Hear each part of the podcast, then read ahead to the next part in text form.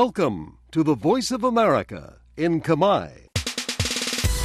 Direct from Washington, the voice of America, VOA. សួស្តីប្រិមិត្តអ្នកស្ដាប់ជាទីមេត្រីនៅក្នុងកម្មវិធីផ្សាយតាមវិទ្យុរបស់ VOA នៅរាត្រីថ្ងៃអង្គារទី27ខែកុម្ភៈឆ្នាំ2024នេះ ខ្ញុំហុងចិន្តានិងសហការីនៃក្រុមផ្សាយជាខេមរៈភាសាសូមស្វាគមន៍ប្រិមិត្តពីរដ្ឋធានី Washington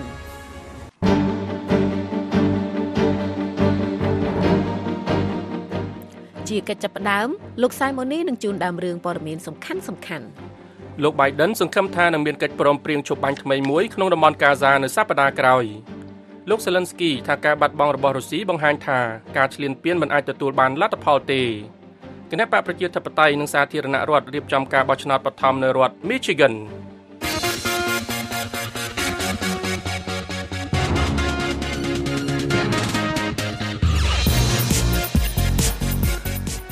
នៅក្នុងការផ្សាយរបស់ VOA នៅរាត្រីនេះយើងខ្ញុំមានសេចក្តីរាយការណ៍អំពីលោកហ៊ុនម៉ាណែតនិងមន្ត្រីការបរទេសអាមេរិកជួបគ្នាពង្រឹងទំនាក់ទំនងកុមារីម្នាក់និងស្ត្រីម្នាក់សន្លប់ក្នុងការតវ៉ាជាមួយអាជ្ញាធរខណ្ឌព្រែកភ្នៅ និងសេចក្តីរាយការណ៍អំពីសង្គមស៊ីវិលជំរុញឲ្យផ្ដន់ទាទោសអុកញ៉ាដែលចាក់ថ្មចូលទន្លេមេគង្គនៅក្នុងខេត្តកំពង់ចាមអស់លោកអ្នកនឹងបានស្ដាប់សេចក្តីរាយការណ៍ទាំងនេះនិងសេចក្តីរាយការណ៍ផ្សេងផ្សេងៗទៀតក្រោយព័ត៌មានអន្តរជាតិដែលនាំមកជូនដោយលោកសៃម៉ូនីសូមអញ្ជើញលោកម៉ូនីបាទសូមអរគុណចិន្តាប្រធានាធិបតីសហរដ្ឋអាមេរិកលោក Joe Biden បាននិយាយកាលពីថ្ងៃច័ន្ទម្សិលមិញ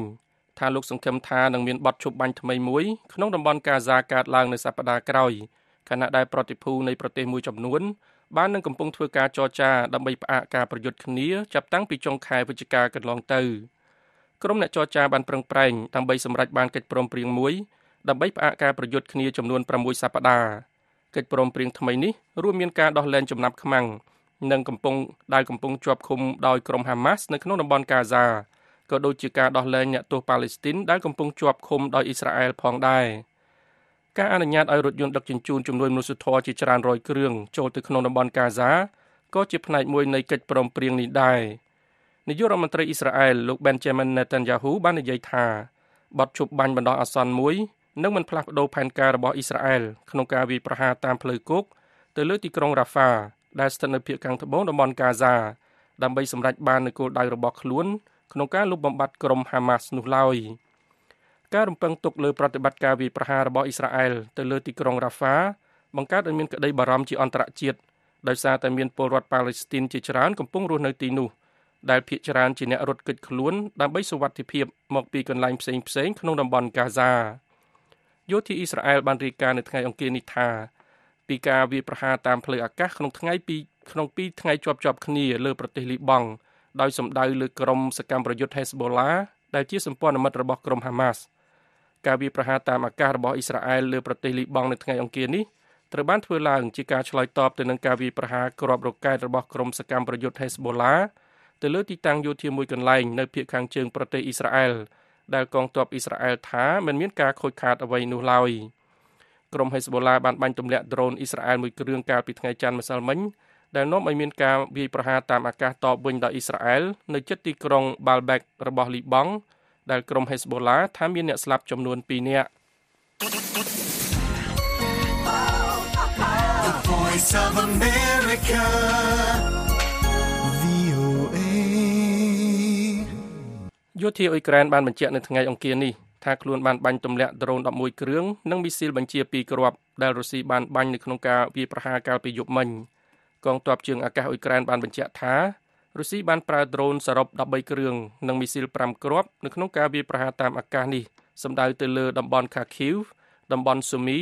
តំបន់ Dnipropetrovsk តំបន់ Kleblinski និងតំបន់ Kirovohrad គេមិនឃើញមានសេចក្តីរាយការណ៍ណាមួយភ្លាមៗអំពីការខូចខាតនិងការស្លាប់ឬរបួសនោះទេប្រធានាធិបតីអ៊ុយក្រែនលោក Volodymyr Zelensky បានថ្លែងសន្ទរកថាកាលពីយប់ថ្ងៃច័ន្ទថាការប្រជុំរបស់បណ្ដាមេដឹកនាំអឺរ៉ុបកាលពីថ្ងៃច័ន្ទ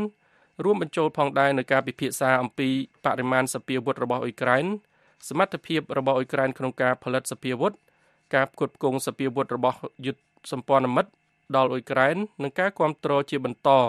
ដល់ការប្រយុទ្ធរបស់អ៊ុយក្រែនប្រឆាំងនឹងការឈ្លានពានរបស់រុស្ស៊ីប្រធានាធិបតីបារាំងលោកអ៊ីមែនយ៉ាអែលម៉ាក្រុងបានហៅបានកោះប្រជុំជាមួយបណ្ដាមេដឹកនាំអឺរ៉ុប20រូប នៅក្នុងទីក្រុងប៉ារីសដោយនិយាយថារុស្ស៊ីមិនអាចនិងមិនត្រូវឈ្នះសង្គ្រាមនេះជាដាច់ខាតលោកម៉ាក្រុងលើកឡើងថាទោះជាមិនមានផែនការរួចជាស្រេចដើម្បីបញ្ជូនទាហានប្រចាំប្រទេសទៅប្រយុទ្ធនៅក្នុងប្រទេសអ៊ុយក្រែនក៏ដោយក៏លទ្ធភាពនៅតែមានដដែលលោកម៉ាក្រុងបានបន្ថែមថាមន្ត្រីអឺរ៉ុបបានឯកភាពគ្នាថាពួកគេត្រៀមខ្លួនសម្រាប់ការវាយប្រហារដែលរុស្ស៊ីអាចធ្វើឡើងនៅក្នុងរយៈពេលប្រមាណឆ្នាំខាងមុខ និងថាកិច្ចប្រឹងប្រែងបន្ថែមទៀតគឺត្រូវការចាំបាច់ដើម្បីជួយអ៊ុយក្រែនទាំងផ្នែកហិរញ្ញវត្ថុនិងផ្នែកយោធាបន្ទាប់ពីការប្រជុំនេះ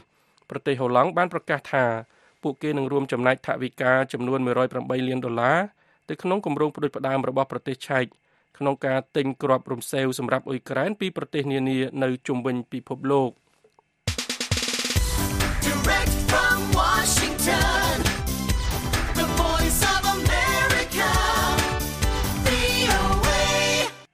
ក្រុមអ្នកបោះឆ្នោតក្នុងរដ្ឋ Michigan នឹងបោះឆ្នោតនៅថ្ងៃអង្គារនេះនៅក្នុងការបោះឆ្នោតបឋមដើម្បីជ្រើសរើសបេក្ខជនប្រធានាធិបតីសហរដ្ឋអាមេរិកនៃគណៈបកប្រជាធិបតេយ្យនិងគណៈបកសាធារណរដ្ឋដោយប្រធានាធិបតីអាមេរិកលោក Joe Biden និងអតីតប្រធានាធិបតីលោក Donald Trump ត្រូវគេរំពឹងទុកជាទូទៅថានឹងឈ្នះក្នុងការបោះឆ្នោតនេះសម្លេងគាំទ្រនឹងជ័យជំនះទាំងនេះនឹងត្រូវគេតាមដានយកចិត្តទុកដាក់ ថាជាសញ្ញាគាំទ្រដល់បេក្ខជនទាំងពីរនៅក្នុងរដ្ឋសំខាន់សំខាន់ៗមុនការប្រកួតប្រជែងជាផ្លូវការរវាងបេក្ខជនទាំងពីរជាថ្មីម្ដងទៀតដែលកាលពីការជួបគ្នាក្នុងការបោះឆ្នោតប្រធានាធិបតីអាមេរិកកាលពីឆ្នាំ2020លោក Biden ជាអ្នកឈ្នះរដ្ឋ Michigan មានពលរដ្ឋអាមេរិកកាំងដើមកំណើតអារ៉ាប់រស់នៅច្រើនជាងគេបង្អស់ក្នុងសហរដ្ឋអាមេរិកហើយការប្រឆាំងនឹងការគ្រប់គ្រងរដ្ឋបាលលោក Biden លើសង្គ្រាមអ៊ីស្រាអែលក្នុងតំបន់កាហ្សា បានធ្វើឲ្យសមាជិកគណៈបកប្រជាធិបតេយ្យមួយចំនួនអំពាវនាវដល់ក្រុមអ្នកបោះឆ្នោតមិនឲ្យបោះឆ្នោតគ្រប់គ្រងលោក Biden នៅថ្ងៃអង្គារនេះដោយគូសត្រង់ចំណុច uncommitted ឬមិនបដិញ្ញាទៅលើសញ្ញាឆ្នោតលោកត្រាំបានឈ្នះការបោះឆ្នោតបឋមនៅគ្រប់រដ្ឋទាំងអស់រហូតមកដល់ពេលនេះហើយការស្ទង់មតិក្នុងរដ្ឋ Michigan បង្ហាញថាលោកកំពុងមានសម្លេងនាំមុខខ្លាំងក្នុងរដ្ឋនេះប៉ុន្តែគូប្រជែងសំខាន់ដែលនៅសល់តែម្នាក់របស់លោកត្រាំ គឺអ្នកស្រី Nikki Haley ដែលជាអតីតអភិបាលរដ្ឋ South Carolina នៅមិនទាន់ដកខ្លួនចេញពីការប្រកួតប្រជែងនេះនៅឡើយទេ ដោយលើកហេតុផលថា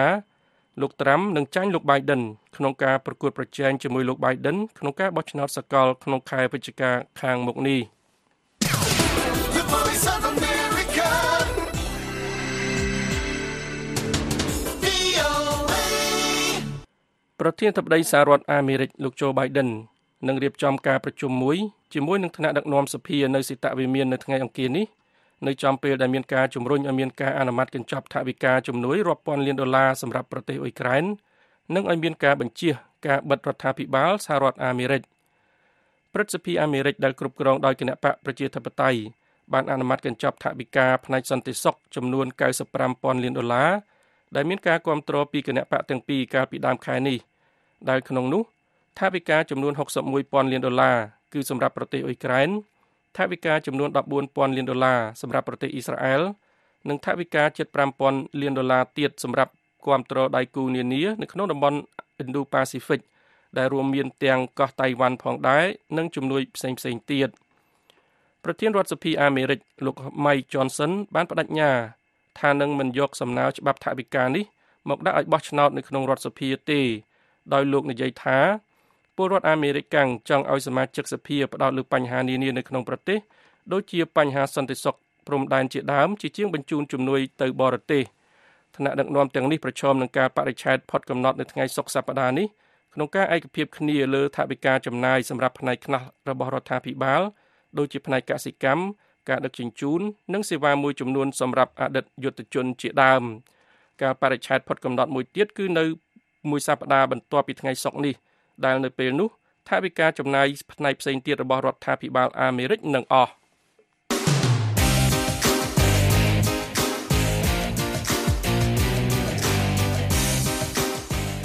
អស់លោកអ្នកនាងជាទីមេត្រីនៅក្នុងការផ្សាយជាបន្តបន្តទៅទៀតនេះលោកអ្នកនឹងបានស្ដាប់សេចក្តីរាយការណ៍អំពីលោកហ៊ុនម៉ាណែតនិងមន្ត្រីការបរទេសអាមេរិកជួបគ្នាពង្រឹងទំនាក់ទំនង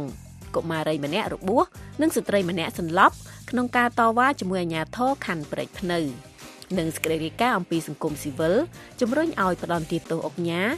ដែលចាក់ថ្មចូលទន្លេមេគង្គនៅក្នុងខេត្តកំពង់ចាមហើយនៅក្នុងការផ្សាយរបស់យើងខ្ញុំរយៈពេល30នាទីចុងក្រោយយើងខ្ញុំមានសេចក្តីរាយការណ៍អំពីគណៈរងចាំជំនួយអាវុធអ៊ុយក្រែនសង្ឃឹមលើកិច្ចប្រជុំកំពូលស្តីពីសន្តិភាព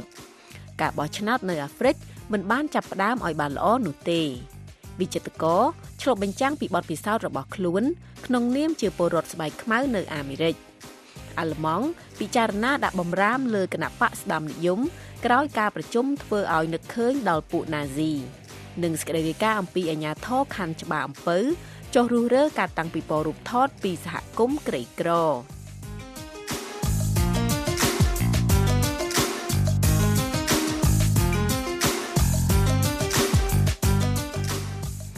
អស់លោកអ្នកនាងកំពុងតែស្ដាប់ការផ្សាយរបស់ VOA ពីរដ្ឋធានី Washington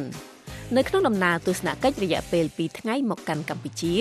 របស់ឧបការីរដ្ឋមន្ត្រីក្រសួងការបរទេសអាមេរិកកម្ពុជានិងអាមេរិកអះអាងពីឆន្ទៈធ្វើឲ្យទំនាក់ទំនងរវាងប្រទេសទាំងពីរមានភាពល្អប្រសើរខណៈបញ្ហាសិទ្ធិមនុស្សនិងលទ្ធិប្រជាធិបតេយ្យនៅកម្ពុជា នៅតែជារនាំងនៃទំនាក់ទំនងប្រទេសទាំងពីរ លោកហាណូយរាយការណ៍លម្អិតឲ្យ VOA ពីរាជធានីភ្នំពេញដូចតទៅ ក្នុងជំនួបរវាងលោកឧបការីរដ្ឋមន្ត្រីក្រសួងការបរទេសសហរដ្ឋអាមេរិកជាមួយនាយករដ្ឋមន្ត្រីកម្ពុជាភាគីទាំងពីរបានពិភាក្សាអំពីការធ្វើឲ្យទំនាក់ទំនងរវាងប្រទេសទាំងពីរមានភាពស៊ីជម្រៅនិងដើម្បីដោះស្រាយបញ្ហាដែលជាកង្វល់រួមឧបការីរដ្ឋមន្ត្រីក្រសួងការបរទេសអាមេរិកលោក Daniel J. Crichton-Brink មកបំពេញទស្សនកិច្ចនៅកម្ពុជារយៈពេល2ថ្ងៃគឺថ្ងៃទី26និងថ្ងៃទី7ខែកុម្ភៈឆ្នាំ2024ដោយបានជួបជាមួយជាមួយលោកនាយករដ្ឋមន្ត្រីហ៊ុនម៉ាណែតនិងរដ្ឋមន្ត្រីក្រសួងការពារជាតិលោកទាសីហាទស្សនកិច្ចនៅកម្ពុជានេះធ្វើឡើងខណៈលោកបំពេញទស្សនកិច្ចប្រទេសផ្សេងទៀតដែលជាសមាជិកនៃសមាគមប្រជាជាតិអាស៊ីអាគ្នេយ៍ហៅកាត់ថាអាស៊ានរួមមានសិង្ហបុរីថៃវៀតណាមនិងប្រ៊ុយណេ សេចក្តីប្រកាសព័ត៌មានរបស់ស្ថានទូតអាមេរិកប្រចាំនៅកម្ពុជាចេញថ្ងៃទី26ខែកុម្ភៈឆ្នាំ2024បានបញ្ជាក់ក្នុងន័យដើមថាជំនួបរវាងភាគីកម្ពុជានិងអាមេរិកកាលពីថ្ងៃច័ន្ទភាគីទាំងពីរបានជជែកអំពីកិច្ចសហប្រតិបត្តិការកំពុងមានដូចជាការអនុវត្តទណ្ឌកម្មរបស់អង្គការសហប្រជាជាតិប្រឆាំងនឹងកូរ៉េខាងជើងការថ្កោលទោសការឈ្លានពានរបស់រុស្ស៊ីទៅលើប្រទេសអ៊ុយក្រែនកម្មវិធីជំនួយបរទេសការរុករកឆ្លើយសឹក និងយុទ្ធជនបាត់ខ្លួនក្នុងសង្គ្រាមនិងការពង្រឹងការអនុវត្តច្បាប់សេចក្តីប្រកាសព័ត៌មានដដែលបន្ថែមថាក្នុងជំនួបនោះក៏បានពិនិត្យទៅលើវិស័យនានាសម្រាប់វឌ្ឍនភាពនៅពេលខាងមុខនៅប្រទេសកម្ពុជាដូចជាលទ្ធិប្រជាធិបតេយ្យនិងសិទ្ធិមនុស្ស ការជួញដូរមនុស្សការបង្កើតលទ្ធភាពសម្រាប់ប្រព័ន្ធផ្សព្វផ្សាយឯករាជ្យនិងមានភាពសេរីព្រមទាំងបញ្ហាសន្តិសុខតំបន់សេចក្តីប្រកាសព័ត៌មានបានបញ្ជាក់ក្នុងន័យដើមថានៅក្នុងកិច្ចពិភាក្សាគ្នានោះលោកឧបការីរដ្ឋមន្ត្រីការបរទេសអាមេរិកបានថ្លែងបញ្ជាក់ថាសហរដ្ឋអាមេរិកនៅតែមានការបដិញ្ញាចិត្តចំពោះប្រជាជនកម្ពុជា និងបំណងប្រាថ្នារបស់ពួកគេក្នុងការចង់ឲ្យប្រទេសរបស់គេមានវិបុលភាពលទ្ធិប្រជាធិបតេយ្យនិងឯករាជ្យដែលក្នុងនោះសម្លេងទាំងអស់ត្រូវបានគេស្ដាប់ និងគោរពឲ្យអធិបតេយ្យភាពរបស់កម្ពុជាត្រូវបានការពារមន្ត្រីទូតសាធារណៈនិងមន្ត្រីព័ត៌មានប្រចាំស្ថានទូតសហរដ្ឋអាមេរិកប្រចាំនៅកម្ពុជាលោក Wesley Holzer បដិសេធមិនធ្វើអត្ថាធិប្បាយបន្ថែមពាក់ព័ន្ធនឹងជំនួបរវាងភាគីទាំងពីរចំណែកអ្នកនាំពាក្យក្រសួងការបរទេសកម្ពុជាលោកជុំសន្តិរីប្រាប់ VOA តាមសារអេឡិចត្រូនិក Telegram យ៉ាងខ្លីថាលោកមិនមានព័ត៌មានអ្វីពាក់ព័ន្ធនឹងដំណើរទស្សនកិច្ចរបស់ឧបការីរូបនេះទេ បើតាមសារបង្ហោះលើទំព័រ Facebook របស់អង្គភាពអ្នកនាំពាក្យរដ្ឋាភិបាលកាលពីថ្ងៃទី26ខែកុម្ភៈឆ្នាំ2024លោកហ៊ុនម៉ាណែតបានលើកឡើងនៅចំពោះមុខឧបការីអាមេរិកអំពីវឌ្ឍនភាពនៃទំនាក់ទំនងនិងកិច្ចសហប្រតិបត្តិការរវាងប្រទេសទាំងពីរទាំងក្នុងក្របខ័ណ្ឌទ្វេភាគីនិងពហុភាគីអង្គភាពអ្នកនាំពាក្យរដ្ឋាភិបាលបញ្ជាក់ថាក្នុងជំនួបនេះសម្ដេចធិបតីនិងឯកឧត្តម Daniel J. Crichton Brink បានពិភាក្សាអំពីការពង្រឹងនិងពង្រីកកិច្ចសហប្រតិបត្តិការរវាងប្រទេសទាំងពីរឲ្យបន្ថែមទៀតលើវិស័យដែលផ្ដល់ប្រយោជន៍ទៅវិញទៅមករួមមានវិស័យពាណិជ្ជកម្មវិនិយោគទំនាក់ទំនងប្រជាជននិងប្រជាជនព្រមទាំងវិស័យការពារជាតិនិងសន្តិសុខជាដើមលោកឧបការីរដ្ឋមន្ត្រី Creighton Brink ធ្លាប់មកបំពេញទស្សនកិច្ចនៅប្រទេសកម្ពុជាចំនួន2លើកកាលពីឆ្នាំ2022គឺនៅក្នុងខែឧសភានិងក្នុងខែកក្កដាដែលកាលនោះកម្ពុជាធ្វើជាប្រធានបដូវវេនសមាគមអាស៊ានអ្នកជំនាញផ្នែកទំនាក់ទំនងអន្តរជាតិនិងភូមិសាស្ត្រនយោបាយលោកសេងវ៉ាន់លីលើកឡើងថាដំណើរទស្សនកិច្ចរបស់ឧបការីអាមេរិកនេះគឺដើម្បីពិភាក្សាការបដិញ្ញាចិត្តរបស់រដ្ឋាភិបាលកម្ពុជាក្នុងការលើកកម្ពស់សិទ្ធិមនុស្សនិងស្ដារលទ្ធិប្រជាធិបតេយ្យលោកបន្ថែមថាគណៈអាមេរិកបង្ហាញពីឆន្ទៈក្នុងការសហការជាមួយរដ្ឋាភិបាលអាណត្តិថ្មីរដ្ឋាភិបាលក្រោមការដឹកនាំរបស់លោកនាយករដ្ឋមន្ត្រីហ៊ុនម៉ាណែតក៏គួរតែព្យាយាមដោះស្រាយកង្វល់របស់អាមេរិកផងដែរខ្ញុំគិតថាបើសិនជារដ្ឋាភិបាលកម្ពុជាបើកលំហនយោបាយជំរុញការគ្រប់សិទ្ធិមនុស្សហើយនិងជំរុញការគ្រប់គ្រងប្រកបដោយនីតិរដ្ឋខ្ញុំគិតថាភាសាសហរដ្ឋសហរដ្ឋអាមេរិកអាចនឹងស្ដារទំនាក់ទំនងរបស់ខ្លួនជាមួយកម្ពុជាឡើងវិញដោយសារតែយើងឃើញថាសហរដ្ឋអាមេរិកមើលឃើញអំពីសក្តានុពលរបស់កម្ពុជាដែរហើយបើតាមលោកសេងវ៉ាន់លីប្រសិនបើអាមេរិកដាក់កម្ពុជាឲ្យនៅឯកនោះកម្ពុជានឹងកាន់តែងាកខ្លាំងទៅរកចិនបើសិនជា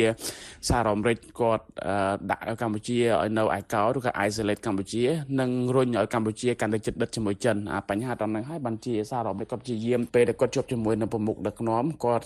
តែនៅលើកឡើងថាដើម្បីធ្វើម៉េចស្ដារទំនាក់ទំនងរវាងកម្ពុជាសហរដ្ឋអាមេរិករដ្ឋាភិបាលកម្ពុជា គួរតែធ្វើចេះគួរតែធ្វើចោះជាពិសេសគឺបើកលំហ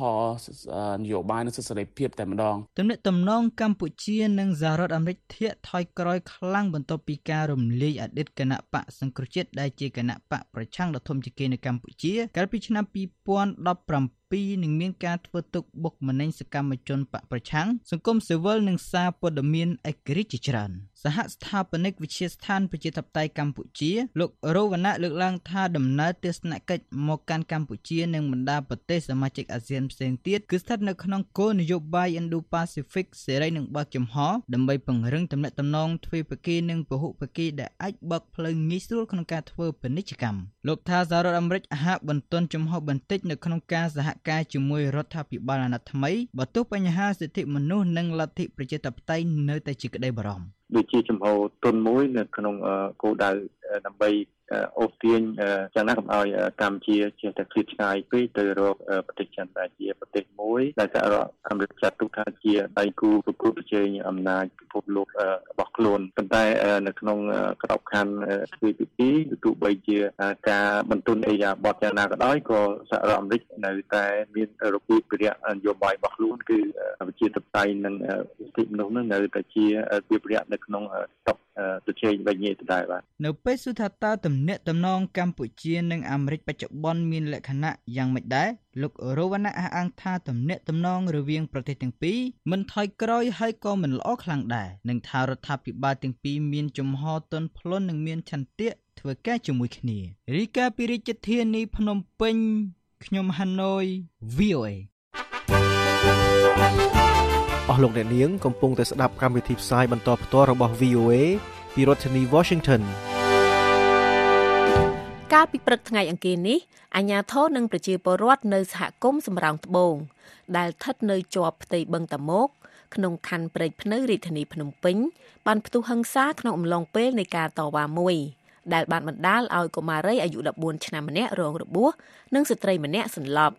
ក្រោយអំពើហិង្សានោះ ប្រជាសហគមន៍ស្នើសុំឲ្យមានកិច្ចអន្តរាគមន៍ពីនាយករដ្ឋមន្ត្រី និងមានដំណោះស្រាយសមស្របជូនពួកគាត់កញ្ញាមេដារាយការណ៍លម្អិតឲ្យ VOA ពីរាជធានីភ្នំពេញដូចតទៅកុមារីនៅសហគមន៍សំរោងត្បូងចាប់បឹងតមុកម្នាក់រងរបួសនិងស្ត្រីម្នាក់សន្លប់ក្នុងហិង្សារវាងអាញាធរខណ្ឌព្រែកភ្នៅ និងប្រជាពលរដ្ឋអំឡុងការតវ៉ាមិនសុខចិត្តនឹងការចុះរុះរើទីតាំងដែលពួកគេកំពុងរស់នៅ នៅព្រឹកថ្ងៃអង្គារអាជ្ញាធរខណ្ឌព្រែកភ្នៅនិងប្រជាការពារប្រមាណជា200នាក់បានចុះកាយប្រឡាយនៅទីតាំងដែលប្រជាពលរដ្ឋរស់នៅជាប់បឹងតមោកស្ថិតនៅក្នុងភូមិសំរោងត្បូងសង្កាត់សំរោងខណ្ឌព្រែកភ្នៅប្រជាពលរដ្ឋរស់នៅទីនោះប្រមាណជា50នាក់បានដិតក្រណាត់ដើម្បីតវ៉ានឹងការកាយប្រឡាយរហូតមានការរុញច្រានរវាងអាជ្ញាធរនិងពលរដ្ឋ ធ្វើឲ្យក្មេងស្រីម្នាក់អាយុ14ឆ្នាំដួលលើក្រណាត់ដែលកំពុងឆេះបណ្ដាលឲ្យរលាកស្បែកអ្នកស្រីយ៉នគុំយឿនអាយុ32ឆ្នាំជាពលរដ្ឋម្នាក់តវ៉ាក្នុងហេតុការណ៍នោះប្រាប់ VOA ថា អ្នកស្រីចាត់ទុកទង្វើរបស់អាជ្ញាធរដែលយកគ្រឿងចាក់មកកាយរុះរើនៅទីតាំងដែលពលរដ្ឋរស់នៅថា ជារឿងអយុត្តិធម៌អយុធធម៌ព្រោះគាត់មិនមែនខ្មែរជួយខ្មែរទេគឺខ្មែរសម្រាប់ខ្មែរឯពេលនេះគាត់មិនបានជួយខ្ញុំហើយគាត់មកសម្រាប់ខ្ញុំទៀតចាខ្ញុំរាល់ថ្ងៃខ្ញុំឈឺចាប់ហើយគាត់ធ្វើបាបធ្វើទុកបុកម្នេញខ្ញុំរាល់ថ្ងៃមានថ្ងៃលុះហើយអ្នកស្រីថាកាលពីកន្លងទៅអាញាធរខណ្ឌព្រៃភ្នៅ បានសន្យានឹងជួយដោះស្រាយប៉ុន្តែអ្នកស្រីថា មកដល់ពេលនេះអាញាធរបែរជាចុះមករុះរើទីតាំងផ្ទាល់ទៅវិញដើមហេតុដំបងខាងអាញាធរគេឲ្យអាអិចចង់មកកាយក្រោយតែពួកខ្ញុំតែខាងអាញាធរអភិបាលខណ្ឌធំសំអាតហ្នឹងគាត់កាលពីមុនមួយឆ្នាំមុនហ្នឹងគាត់ប្រាប់ថាគាត់ទុកឲ្យពួកខ្ញុំវិជាពលរដ្ឋ100ម៉ែត្រទុកដោះស្រាយគាត់មិនទាន់មានដំណោះស្រាយឲ្យពួកខ្ញុំវិជាពលរដ្ឋផងគាត់ចេញនិខិតឲ្យរុះរើតែប្រជាពលរដ្ឋ ហើយពួកខ្ញុំទៅទៅរស់នៅ20 30ឆ្នាំហើយរស់នៅទីនេះពលរដ្ឋរស់នៅសង្កាត់សំរោងត្បូងជាប់បឹងតាមុកម្នាក់ទៀតអ្នកស្រីសៀដាវីប្រ VOA នៅថ្ងៃអង្គារនេះថាខណៈអាជ្ញាធរកំពុងកាយប្រឡ័យនោះពលរដ្ឋបានព្យាយាមហាមឃាត់ដែរតែត្រូវបានភៀកគីខាងអាជ្ញាធរប្រើប្រាស់ហិង្សាដាក់ ហេតុអីក៏មិនទាន់មានដំណោះស្រាយឲ្យពួកខ្ញុំផងបែរជាមកកាយបលាយឲ្យប្រើហិង្សាលើពួកខ្ញុំជាប្រជាពលរដ្ឋដែលខ្ញុំព្យាយាមទៅហាមឃាត់ដើម្បីរកដំណោះស្រាយសិនពួកគាត់អត់ស្ដាប់ទេគឺពួកគាត់ប្រើហិង្សាលើប្រជាពលរដ្ឋតែម្ដងហើយក៏មានវាយស្លាប់ម្នាក់ហើយគាត់ថាពួកខ្ញុំសម្ដែងពួកខ្ញុំព្យាយាមទៅយកមនុស្សដែលស្លាប់ហ្នឹងយកទៅពេទ្យពួកគាត់ឲ្យទេគាត់ថាម្នាក់ហ្នឹងសម្ដែងទេអញ្ចឹងក៏វាយតប់រុញពួកខ្ញុំទៅកប់ផុកពេញហ្នឹងទៀតអ្នកដែលចុះទៅជួយយកអ្នកស្លាប់ឡើងមកដើម្បីយកទៅពេទ្យហ្នឹង អ្នកស្រីបន្ថែមដោយស្នើឲ្យមានដំណោះស្រាយមួយសមស្របមុននឹងធ្វើការអភិវឌ្ឍសុំថាបញ្ឈប់ទៅសុំរកដំណោះស្រាយពួកខ្ញុំសិនកាយបលាយការអភិវឌ្ឍខ្ញុំអត់អត់រៀបរៀងអាជ្ញាធរឬក៏រដ្ឋាភិបាលទេការអភិវឌ្ឍប៉ុន្តែសូមឲ្យពួកខ្ញុំបានទទួលដំណោះស្រាយសិនថាឥឡូវឲ្យពួកខ្ញុំប្រហែលម៉ែត្រពីការកាយបលាយនៅចោលវាអាខ្នល់ទៅដីផ្ទះពួកខ្ញុំទុកឲ្យពួកខ្ញុំប្រហែលម៉ែត្រឲ្យច្បាស់លាស់សិន អ្នកស្រីសំណុំពរឲ្យរដ្ឋាភិបាលជួយដោះស្រាយបញ្ហារបស់ពលរដ្ឋដែលកំពុងប្រឈមនឹងការបណ្តេញចេញពីលំនៅឋានសូមឲ្យនាយករដ្ឋមន្ត្រីហ៊ុនម៉ាណែតសម្ដេចហ៊ុនម៉ាណែតនឹងជួយថាមើលដល់ប្រជាពលរដ្ឋផងដែលពួកខ្ញុំរងការបណ្តេញចេញពីអាជ្ញាធរកាន់ព្រៃភ្នៅហើយប្រើហិង្សាលើពួកខ្ញុំជាស្រីនិងកុមារនឹងឲ្យរងរបួសជាច្រើនអ្នក VOA ពុំតាន់អាចសំការអត្ថាធិប្បាយពីអភិបាលរងរាជធានីភ្នំពេញ លោកកាត់ឆាយនិងអភិបាលខណ្ឌព្រែកភ្នៅ លោកធំសំអានបាននៅឡើយទេ នាយកទទួលបន្ទុកកិច្ចការទូតនៃអង្គការការពារសិទ្ធិមនុស្សលីកាដូលោកអំសំអាតយល់ថាបញ្ហាដីធ្លីនៅសហគមន៍បឹងតាមុកជាបញ្ហាមួយដែលអូសបន្លាយពេលយូរដែរហើយក៏តែងតែឃើញមានបញ្ហាកើតឡើងជាបន្តបន្ទាប់រវាងអាជ្ញាធរនិងប្រជាពលរដ្ឋលោកចង់ឃើញដំណោះស្រាយមួយប្រកបដោយសន្តិវិធីដែលអាចឲ្យភាគីទាំងសងខាងទទួលយកបានដោយគ្មានទំនាស់ឬហិង្សាលោកជំរុញឲ្យរដ្ឋាភិបាលនិងអាជ្ញាធរគួរពិនិត្យមើលឡើងវិញពីការរស់នៅរបស់ប្រជាពលរដ្ឋនៅទីតាំងនោះរាជរដ្ឋាភិបាលនិងអាជ្ញាធរគួរតែពិនិត្យនិងពិចារណាសិក្សាទៅលើការរស់នៅរបស់បងប្អូនប្រជាពលរដ្ឋនឹងឲ្យបានច្បាស់លាស់ហើយយើងមើលគំរូនៅស្ទឹងមានជ័យដែលប្រជាពលរដ្ឋរស់នៅតាមបន្លាយតាមស្ទឹងហ្នឹងហើយរដ្ឋក៏បានសម្រេចផ្ដល់កម្មសិទ្ធិឲ្យពួកគេ លោកសៀងមួយឡៃប្រធានកម្មវិធីសិទ្ធិរស់នៅក្នុងទីក្រុងនៃអង្គការសមាគមធៀងថ្នោតប្រវីអូអេថាក្នុងផែនការប្លង់គួរប្រើប្រាស់ដីក្នុងរាជធានីភ្នំពេញឆ្នាំ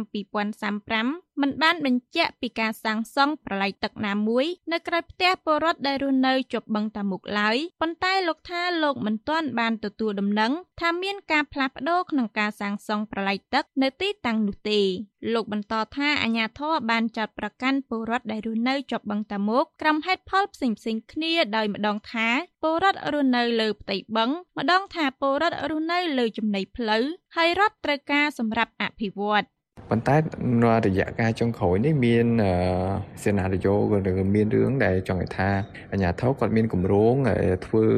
បន្លាយទឹក ពីក្រោយអញ្ចឹងសហគមន៍គាត់មានក្តីបារម្ភថាឥឡូវដីបឹងក៏អត់ប៉ះដីផ្លូវក៏អត់ប៉ះហើយមកគម្រោងធ្វើបន្លាយហើយអត់បានជជែកជាមួយគាត់លំអិតថាបន្លាយនឹងមានទំហំប្រហែលអីមិនច្បាស់លាស់មួយប្រជាប្រដ្ឋអញ្ចឹងគាត់បារម្ភខ្លាចអាញាធរនឹងគាត់យកដីរបស់សហគមន៍នឹងយកទៅធ្វើបន្លាយដែលធ្វើឲ្យពួកគាត់នឹងប្រឈមជាមួយនឹងការបដិញ្ញចេញឬក៏ចាក់ចេញទៅទីតាំងផ្សេងអញ្ចឹងណា លោកសៀងមួយឡៃបន្ថែមថាដោយសារតែបច្ចុប្បន្នដីនៅតំបន់បឹងតាមុកកំពុងស្ថិតនៅក្នុងភាពមិនច្បាស់លាស់ដូច្នេះលោកស្នើសុំឲ្យអាជ្ញាធរពាក់ព័ន្ធត្រូវកំណត់ផែនទីនៃផ្ទៃដីជាប់បឹងតាមុកឲ្យបានជាក់លាក់និងប្រកាសជាសាធារណៈពីគម្រោងអភិវឌ្ឍប្រឡាយទឹកក្នុងតំបន់នោះ កាលពីថ្ងៃទី25ខែមករាឆ្នាំ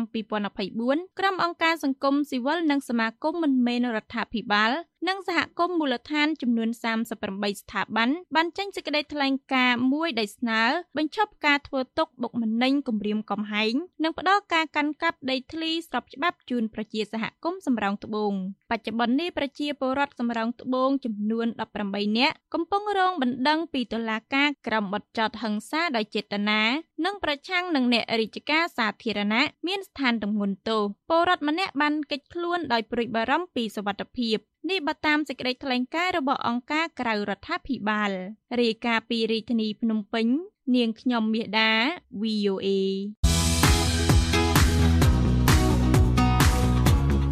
លោកអ្នកនាងកំពុងតែស្ដាប់កម្មវិធីផ្សាយរបស់ VOA ពីរដ្ឋធានី Washington ក្រោយមានការរិះគន់តាក់ទិននឹងការចាក់ថ្មចូលផ្ទៃទន្លេមេគង្គនៅស្រុកស្រីសន្ធរខេត្តកំពង់ចាមនាពេលថ្មីថ្មីនេះមន្ត្រីអង្គការសង្គមស៊ីវិលជំរុញឲ្យអាជ្ញាធរផ្ដន់ទាទោសអ្នកប្រព្រឹត្តដោយពុំមានការយោគយល់ដើម្បីជាមេរៀនកុំឲ្យមានសកម្មភាពរំលោភបំពានបែបនេះបន្តទៅទៀតរដ្ឋបាលខេត្តកំពង់ចាមបានចេញលិខិតបញ្ជាក់ថាអាជ្ញាធរកំពុងសិក្សាផ្លូវច្បាប់ដើម្បីស្នើដាក់បន្ទុកទៅលើជនល្មើស លោកលោះលីបលីបរីកាលំអិតឲ្យ VOA ពីរាជធានីភ្នំពេញដូចតទៅ មន្ត្រីអង្គការសង្គមស៊ីវិលជំរុញឲ្យមានការផ្តន្ទាទោសអង្គការម្នាក់ដែលចាក់ថ្មចូលទន្លេមេគង្គក្នុងស្រុកស្រីសន្ធរខេត្តកំពង់ចាមទៅតាមនីតិវិធីច្បាប់ដើម្បីទប់ស្កាត់សកម្មភាពរំលោភបំពានបែបនេះបន្តទៀតការជំរុញរបស់ក្រុមសង្គមស៊ីវិលធ្វើឡើងបន្ទាប់ពីមានរូបភាពនៃការចាក់ថ្មចូលក្នុងផ្ទៃទន្លេមេគង្គស្ថិតក្នុងភូមិព្រៃតតឹងឃុំឫស្សីស្រុកស្រុកស្រីសន្ធរខេត្តកំពង់ចាមត្រូវបានចែកចាយលើបណ្ដាញសង្គមកាលពីសប្តាហ៍មុនលោកហេងកឹមហុងប្រធានប្រតិបត្តិនៃសមាគមបណ្ដាញយុវជនកម្ពុជាប្រាប់ VOA នៅថ្ងៃអង្គារនេះថាអាជ្ញាធរគួរចាត់វិធានការផ្លូវច្បាប់ចំពោះបុគ្គលដែលបានចាក់ថ្មចូលផ្ទៃទន្លេនេះលោកថាការផ្ដន្ទាទោសគឺជារឿងសំខាន់ដើម្បីបញ្ជាក់ថាអាជ្ញាធរពិតជាយកចិត្តទុកដាក់ចំពោះការចាត់វិធានការលើការរំលោភទ្រព្យសម្បត្តិសាធារណៈនិងដើម្បីលុបបំបាត់វប្បធម៌និទានភាពការកែចេញនឹងជារឿងត្រឹមត្រូវប៉ុន្តែការទទួលខុសត្រូវផ្នែកព្រហ្មទណ្ឌនិងបញ្ញត្តិទោសដែលមានកំណត់នៅក្នុងច្បាប់ពិសេសទាំងអស់ហ្នឹងក៏មិនគួរត្រូវបានលើកលែងដែរ ដូច្នេះខ្ញុំទទូចឲ្យអំពាវនាវថារដ្ឋាភិបាលអាជ្ញាធរមូលដ្ឋាននឹងបន្តនីតិវិធីនេះដើម្បីកុំឲ្យមានគំរូអាក្រក់ទៅដល់អ្នកដទៃទៀតដែលហ៊ានរំលោភបំពានដីសាធារណៈបរដ្ឋយ៉ាងនេះបាទក្រៅពីជំរុញឲ្យមានការអនុវត្តច្បាប់លើបុគ្គលដែលរំលោភបំពានផ្ទៃទន្លេលោកហេងកំហុងក៏ស្នើមានការដាក់វិន័យរដ្ឋបាលទៅលើអាជ្ញាធរមូលដ្ឋាននិងមន្ត្រីថ្នាក់ស្រុកដើម្បីកុំឲ្យមានការធ្វេសប្រហែសក្នុងការបំពេញការងាររបស់ខ្លួនដើម្បីធ្វើឲ្យមានការទទួលខុសត្រូវខ្ពស់ទាក់ទងនឹងការគ្រប់គ្រងទ្រព្យសម្បត្តិសាធារណៈឲ្យបានល្អប្រសើរបើតាមលោកហេងកំហុងការរំលោភបំពានទ្រព្យសម្បត្តិសាធារណៈរដ្ឋបែបនេះតែងតែកើតមានឡើងជារឿយៗដោយមានតែការរំលោភយកផ្ទៃទន្លេផ្ទៃបឹងនិងសមុទ្រជាដើមលោកយ៉ងកឹមអេងប្រធានមជ្ឈមណ្ឌលប្រជាពលរដ្ឋដើម្បីអភិវឌ្ឍនិងសន្តិភាពក៏ស្នើឲ្យអាជ្ញាធរខេត្តកំពង់ចាមចាត់ការតាមនីតិវិធីច្បាប់និងត្រូវបង្ហាញតម្លាភាពទាក់ទងនឹងការអនុវត្តវិធានការទាំងនោះឲ្យប្រជាពលរដ្ឋបានដឹងកាលណាតែការអនុវត្តច្បាប់អត់បាន មានប្រសិទ្ធភាពវាអាចធ្វើឲ្យមានអស្ថិរភាពសង្គមកើតឡើងអាចធ្វើឲ្យការទៀមទាការតវ៉ាឬក៏ចំនួននៅក្នុងសង្គមវាអាចកើតមានឡើងបានរឿងទាំងអស់នេះដែលគេប្រឹងប្រែងក្នុងការអនុវត្តច្បាប់ចឹងអាជ្ញាធរនោះនិងរដ្ឋាភិបាលលោកគួរថា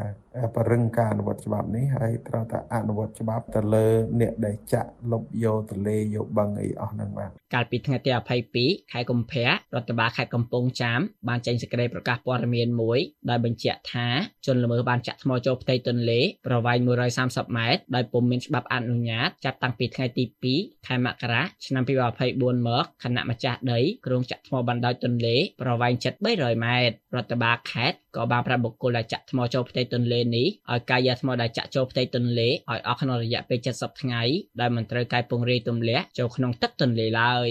រដ្ឋបាលខេត្តកំពង់ចាមអះអាងក្នុងសេចក្តីប្រកាសព័ត៌មាននោះថារដ្ឋបាលកំពុងសិក្សាផ្លូវច្បាប់ដើម្បីស្នើដាក់បន្ទុកទៅលើជនល្មើសចំណែកក្រសួងធនធានទឹកនិងអូតូនិយមលើកឡើងក្នុងសេចក្តីប្រកាសព័ត៌មានមួយចេញកាលពីថ្ងៃទី23ខែកុម្ភៈថាការចាក់ថ្មចូលផ្ទៃទន្លេដើម្បីចាក់ខ្សាច់លុបនេះនឹងបង្កឧបសគ្គនិងធ្វើឲ្យមានការរាំងស្ទះដល់លំហូរទឹកធម្មជាតិនៃទន្លេហើយជាបាត់ល្មើសដែលមានបញ្ញត្តិក្នុងមាត្រា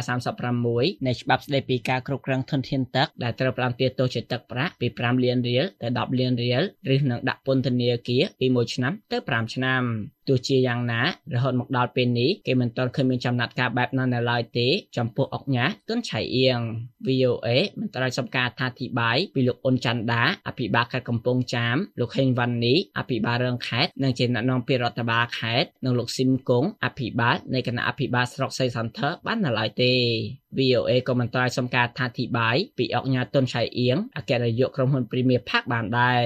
ក្រោយមានប្រតិកម្មពីអាជ្ញាធរនិងក្រសួងជាបន្តបន្ទាប់គេឃើញអង្គញាតុនឆៃអៀងអគ្គនាយកក្រុមហ៊ុន Premier Park បានចេញមុខអះអាងក្នុងវីដេអូឃ្លីបមួយដែលផ្សាយតាមសារព័ត៌មានក្នុងស្រុកកាលពីថ្ងៃទី26ខែកុម្ភៈនេះថាលោកគឺជាអ្នកចាក់ថ្មចូលផ្ទៃទន្លេនេះដោយមិនបានសុំច្បាប់អនុញ្ញាតណាមួយឡើយ ក្នុងវីដេអូនោះលោកធានាថានឹងកាយថ្មចេញពីផ្ទៃទន្លេវិញនឹងទទួលខុសត្រូវចំពោះមុខច្បាប់លោកមេធាវីសេកសោភ័ណ្ឌប្រាប់ VOA ថាទន្លេស្ទឹងបឹងបួសមុទ្រគឺជាទ្រព្យសម្បត្តិរដ្ឋដែលមិនមានអាជ្ញាយុកាលនិងមិនអាចផ្ទេរជាកម្មសិទ្ធិឯកជនបានទេលុះត្រាតែទ្រព្យសម្បត្តិរដ្ឋនោះលែងជាប្រយោជន៍សាធារណៈដោយមានការវិដំឡៃផលប៉ះពាល់ត្រឹមត្រូវតាមរយៈច្បាប់អនុប្រយោគរាយការណ៍ពីរាជធានីភ្នំពេញខ្ញុំលាស់លេបលេប VOA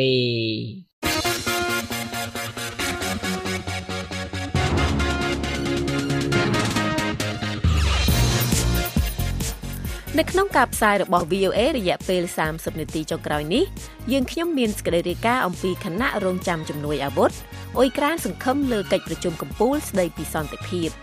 ការបោះឆ្នោតនៅអាហ្វ្រិកមិនបានចាប់ផ្ដើមឲ្យបានល្អនោះទេ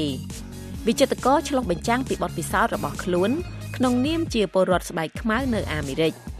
អាល្លឺម៉ង់ពិចារណាដាក់បំរាមលើគណៈបកស្ដាំនិយមក្រោយការប្រជុំធ្វើឲ្យនឹកឃើញដល់ពួកណាស៊ីនិងសេចក្តីរាយការណ៍អំពីអាញាធរខណ្ឌច្បារអំពើចុះរុះរើការតាំងពិព័រណ៍រូបថតពីសហគមន៍ក្រីក្រ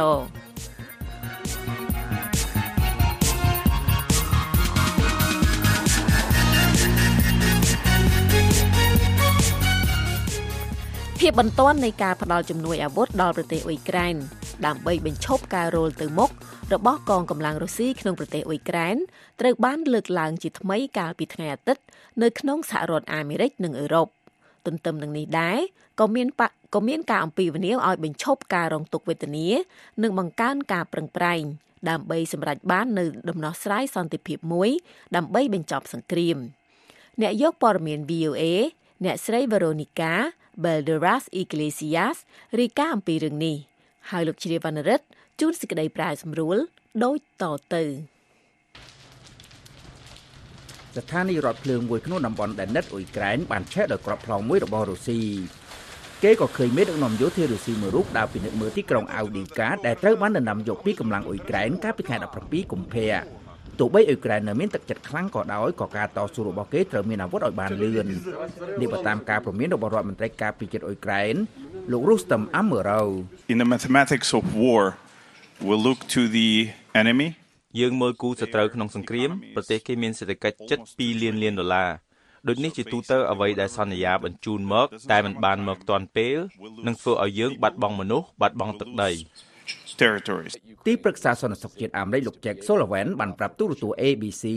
ដោយជំរុញឲ្យប្រធានរដ្ឋសភាអាមេរិកលោក Mike Johnson នៃបកសាធារណរដ្ឋឲ្យដាក់ច្បាប់ដល់ជំនួយដល់អ៊ុយក្រែនដែលមានទឹកប្រាក់61,000លានដុល្លារដែលកំពុងជាប់គាំងនោះឲ្យរដ្ឋសភាបោះឆ្នោតលោកថ្លែងដូចនេះថា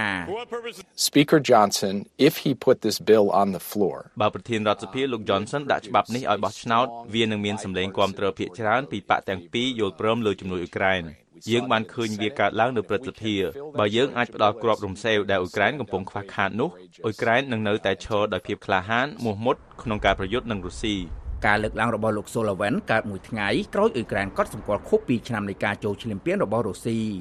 អ្នកស្ម័គ្រចិត្តអ៊ុយក្រែនអ្នកស្រី Anastasia Lifantseva និយាយថា Повіримо, що перемога за нами. Весь світ за нами. ខ្ញុំជឿថាជ័យជំនះជារបស់យើង ពិភពលោកទាំងមូលគាំទ្រយើង បើអ៊ុយក្រែនចាញ់ ពិភពលោកទាំងមូលក៏ចាញ់នឹងប្រទេសមួយដែរ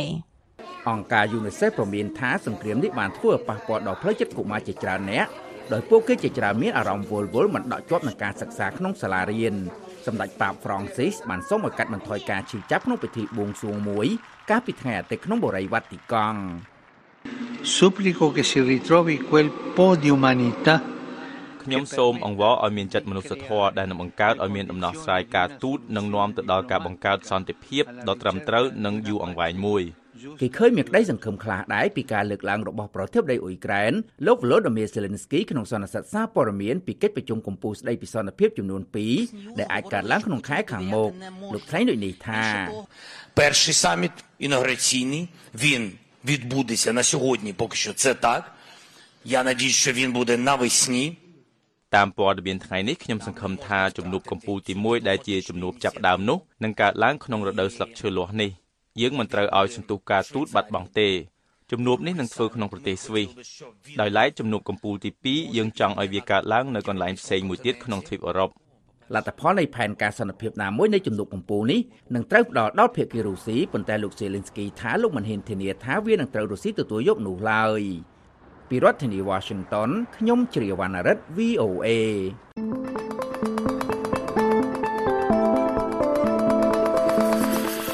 លោកអ្នកនាងកំពុងតែស្ដាប់កម្មវិធីផ្សាយរបស់ VOA ពីរដ្ឋធានី Washington ឆ្នាំ2024នេះនឹងក្លាយជាឆ្នាំដ៏មមាញឹកសម្រាប់ការបោះឆ្នោតនៅទ្វីបអាហ្វ្រិកដោយមានប្រទេសជិត20 គ្រោងនឹងរៀបចំការបោះឆ្នោតប្រធានាធិបតីឬការបោះឆ្នោតសកលប៉ុន្តែដំណើរការប្រជាធិបតេយ្យមិនបានចាប់ផ្ដើមឲ្យបានល្អនោះទេដោយសារប្រទេសចំនួន2បានពន្យាពេលបោះឆ្នោតរួចទៅហើយខណៈដែលប្រទេសមួយចំនួនទៀតបានសំទោសខណៈដែលប្រទេសមួយទៀតបានបោះឆ្នោតជ្រើសរើសអតីតមេដឹកនាំយោធាជាលើកទី4អ្នកស្រី Mariama Diallo ប្រធានការិយាល័យ VOA ប្រចាំនៅទីក្រុងណៃរ៉ូប៊ីរាយការណ៍អំពីរឿងនេះពីទីក្រុងណៃរ៉ូប៊ីប្រទេសកេនយ៉ាហើយអ្នកនាងស្រីលក្ខិណាជួនសេចក្តីប្រាយសម្រួលដូចតទៅនៅអាហ្វ្រិកប្រទេសកូម៉័របានរៀបចំការបោះឆ្នោតមុនគេនៅឆ្នាំនេះប្រធានាធិបតីកំពុងកាន់អំណាចលោកអាហ្សេលីអាស៊ូម៉ានីដែលបានឡើងកាន់អំណាចដំបូងនៅក្នុងរដ្ឋប្រហារឆ្នាំ1999បានជាប់ឆ្នោតជាលើកទី4បកប្រឆាំងបានចានចោលលទ្ធផលនេះ ដែលបង្កឲ្យមានការតវ៉ាហិង្សាដែលធ្វើឲ្យមនុស្សម្នាក់ស្លាប់និង25នាក់រងរបួសរីឯនៅម៉ាលីនិងសេនេហ្គាល់វិញការបោះឆ្នោតត្រូវបានពន្យាពេលប្រទេសម៉ាលីគ្រប់គ្រងដោយរបបយោធាដែលបានផ្ដួលរំលំរដ្ឋាភិបាលជាប់ឆ្នោតនៅឆ្នាំ2020លោក Edgar Kiswa នៃសាកលវិទ្យាល័យ United States International University នៅអាហ្វ្រិកថា